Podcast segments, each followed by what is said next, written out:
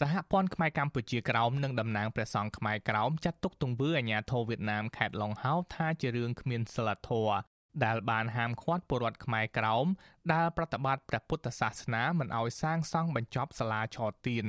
តំណាងពលរដ្ឋខ្មែរក្រោមដែលផ្ដើមគំនិតសាងសង់សាលាឆទានឲ្យដឹងថាពលរដ្ឋខ្មែរក្រោមមានបំណងសាងសង់សាលាឆទានដើម្បីទុកសម្រាប់ប្រតិបត្តិសាសនា និងជាកន្លែងបង្រៀនអក្សរសាស្ត្រដល់កូនខ្មែរ ដោយសារតែតំបន់ពួកគេរស់នៅ នៅជនបទដាច់ស្រយាលគ្មានផ្លូវធ្វើដំណើរត្រឹមត្រូវបណ្ដាលឲ្យពលរដ្ឋពិបាកធ្វើដំណើរទៅវត្តឬសាលារៀនដែលនៅឆ្ងាយពីភូមិពលរដ្ឋរស់នៅជាច្រើនគីឡូម៉ែត្រលោកកឹមឃីមប្រាប់អាស៊ីសេរីថាពលរដ្ឋខ្មែរក្រោមប្រមាណ77គ្រួសារនៅឃុំកំពុងស្រុកប្រាសាទថ្មីបានដាក់ពាក្យសុំអាជ្ញាធរសាងសង់សាលាឆទានតាំងពីខែកុម្ភៈឆ្នាំ2021មកម្លេះ ប៉ុន្តែអាជ្ញាធរវៀតណាមមិនឆ្លើយតបទើបពលរដ្ឋចាប់ផ្ដើមសាងសង់កាលពីចុងខែមិថុនារហូតជិតរួចរាល់ប្រមាណ80%ទើបអាជ្ញាធរវៀតណាមហាមឃាត់មិនឲ្យពលរដ្ឋបន្តធ្វើទៀតលោកអះអាងថាទោះបីវៀតណាមឲ្យពលរដ្ឋខ្មែរក្រោមផ្អាកក៏ដោយប៉ុន្តែពលរដ្ឋមិនស្ដាប់ទីដោយសារតែពលរដ្ឋសង់សាលាឆទាននោះនៅលើដីឯកជនលោកកឹមឃីមចោទអាញាធរវៀតណាមថាមានចេតនា មិនឲ្យខ្មែរក្រោមសាងសង់សាលាឆទានដើម្បីប្រតិបត្តិសាសនា និងបង្រៀនអក្សរខ្មែរដល់កូនខ្មែរអានេះជារឿងពិតណាព្រោះរដ្ឋអំណាចវៀតណាមមកចំណុចសើបណាគេក្រំតែចោលតរដ្ឋធម្មនុញ្ញថាគេឲ្យខ្មែរយើងមានសិទ្ធិសេរីភាពជំនឿលើសាសនាទេអានេះច្បាប់ទេប៉ុន្តែតែយើងយកមកអនុវត្តគេរារាំងគេមិនឲ្យយើងធ្វើទេ គេគេហាមឃាត់យើងរហូតនៅទីកន្លែងណាក៏ដោយសូម្បីតែវត្តអារាមក៏យើងដែរមិនងាយឲ្យធ្វើទេវត្តអារាមដែលមិនតាំងពីបុរាណមកហើយណាបើយើងចង់ធ្វើជិលក៏គេយល់លេះនេះយល់លេះនោះរំតែឲ្យយើងធ្វើប៉ុន្តែច្បាប់គេរដ្ឋធម្មនុញ្ញវៀតណាមគេចេញមេត្រាទី24គេឲ្យចេញថាឲ្យយើងនឹងមានសិទ្ធិសេរីភាពជំនឿលើសាសនាការពារវប្បធម៌ទំនៀមទម្លាប់ប្រពៃណីរបស់យើងប៉ុន្តែបើយើងយកអនុវត្តវិញគឺគេមិនសប្បាយចិត្តទេជុំវិញបញ្ហាសាលាឆទាននេះ សហព័ន្ធខ្មែរកម្ពុជាក្រោមក៏បានចេញសេចក្តីប្រកាសព័ត៌មានកាលពីថ្ងៃទី15កក្កដាដោយស្នើឲ្យសហគមន៍អន្តរជាតិទទូចឲ្យរដ្ឋាភិបាលវៀតណាមគោរពរដ្ឋធម្មនុញ្ញរបស់ខ្លួន ដែលចែងថាពលរដ្ឋមានសិទ្ធិសេរីភាពផ្នែកជំនឿសាសនា និងត្រូវគោរពច្បាប់អន្តរជាតិស្តីពីសិទ្ធិស៊ីវិលនយោបាយនិងជនជាតិដើម មន្ត្រីសហព័ន្ធខ្មែរកម្ពុជាក្រោមមើលឃើញថាទោះបីរដ្ឋធម្មនុញ្ញវៀតណាមចែងពីការគោរពសិទ្ធិសេរីភាពផ្នែកសាសនាក៏ដោយប៉ុន្តែមន្ត្រីនិងអាជ្ញាធរថ្នាក់ក្រោមបានអនុវត្តផ្ទុយពីច្បាប់ទៅវិញនាយកអន្តរសាសនាសហព័ន្ធខ្មែរកម្ពុជាក្រោម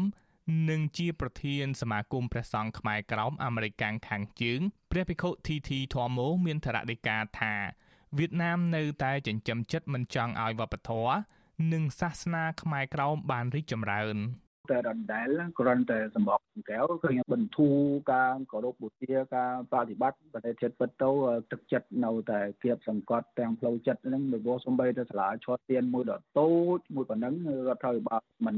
បើកតលេផងតម្រាំទៅយើងនិយមទំហំឲ្យធំធំឲ្យជាដើមអានេះយើងតបញ្ជាក់អាត្មាគ្រាន់តែលើកស្ពេចយកនៅបញ្ហាតូចមួយទេសំបីតែ តំបន់ដែលនៅជុំជុំនៃខ្មែរយើងកសាងសាលាឈរទៀនហ្នឹងយួនគេកសាងរហូតដល់7 8ណាហើយយើងក៏លេចមើលខ្មែរយើងសាងតែមួយតូចមួយតែប៉ុណ្ណឹងហ្នឹងគឺធ្វើគេនៅវារាំងអីចឹងទៅអញ្ចឹងទេយើងឃើញថាអតលហ្នឹងវាមិនតលរយៈភាពទោះបីវៀតណាមបានខំប្រឹងមិនអោយខ្មែរក្រោមកសាងសាលាឈរទៀនឬវត្តជាដើមប៉ុន្តែមកទល់ឆ្នាំ2021នេះវត្តនៅកម្ពុជាក្រោមមានចំនួន461វត្ត និងមានប្រសង់ចំនួនជាង8500អង្គសៀវភៅមានចំណងជើងថាវត្តនៅកម្ពុជាក្រោមសរសេរថាវត្តសម្បូររាំងសីដែលស្ថិតនៅក្នុងឃុំក្រសាំងស្រុកកំពង់ស្ពានខេត្តព្រះត្រពាំងជាវត្តចាស់ជាងគេវត្តនេះមានអាយុកាលប្រមាណ1648ឆ្នាំហើយតំណាងព្រះសង្ឃខ្មែរក្រោមធ្លាប់លើកឡើងថាប្រសិនបើខ្មែរក្រោមបាត់បង់វត្តអារាម មានន័យស្មើនឹងបាត់បង់ទឹកដីវប្បធម៌ និងពូជសាសន៍ខ្មែរក្រោមតែម្ដងខ្មែរកម្ពុជាក្រោមរក្សាទីវត្តអារាម ដើម្បីឲ្យសហគមន៍អន្តរជាតិដឹងថាខ្មែរក្រោមជាជនជាតិដើមរស់នៅលើទឹកដីកម្ពុជាក្រោមដែលវៀតណាមបានវាទីគ្រប់គ្រងមិនដូចវៀតណាមធ្លាប់អះអាងថាខ្មែរក្រោមជាជនជាតិភាគតិចរស់នៅលើទឹកដីវៀតណាមនោះទេខ្មែរក្រោមបានបាត់បង់ទឹកដីអស់រយៈពេល72ឆ្នាំមកហើយ របាយការណ៍គណៈកម្មការសេរីភាពសាសនាអន្តរជាតិរបស់សហរដ្ឋអាមេរិកប្រចាំឆ្នាំ2021បញ្ជាក់ថាស្ថានភាពសេរីភាពសាសនាវៀតណាមសម្រាប់ឆ្នាំ2020និង2019មានលក្ខណៈស្រដៀងគ្នា គឺរដ្ឋាភិបាលវៀតណាមនៅតែសកម្មក្នុងការធ្វើទុកបុកម្នេញសេរីភាពផ្នែកសាសនាលើក្រមសហគមន៍ជនជាតិភាគតិចរួមមានក្រមម៉ុងតាញ៉ាជាដើម ការធ្វើទុកបុកម្នេញសេរីភាពសាសនារួមមានទាំងការបង្ករបួសស្នាម ដាក់ទណ្ឌកម្មឃុំខ្លួន និងការចាប់ដាក់ពន្ធនាគារជាដើមខ្ញុំយុនសាមៀនអាស៊ីសេរីប្រធានាធិបតី Washington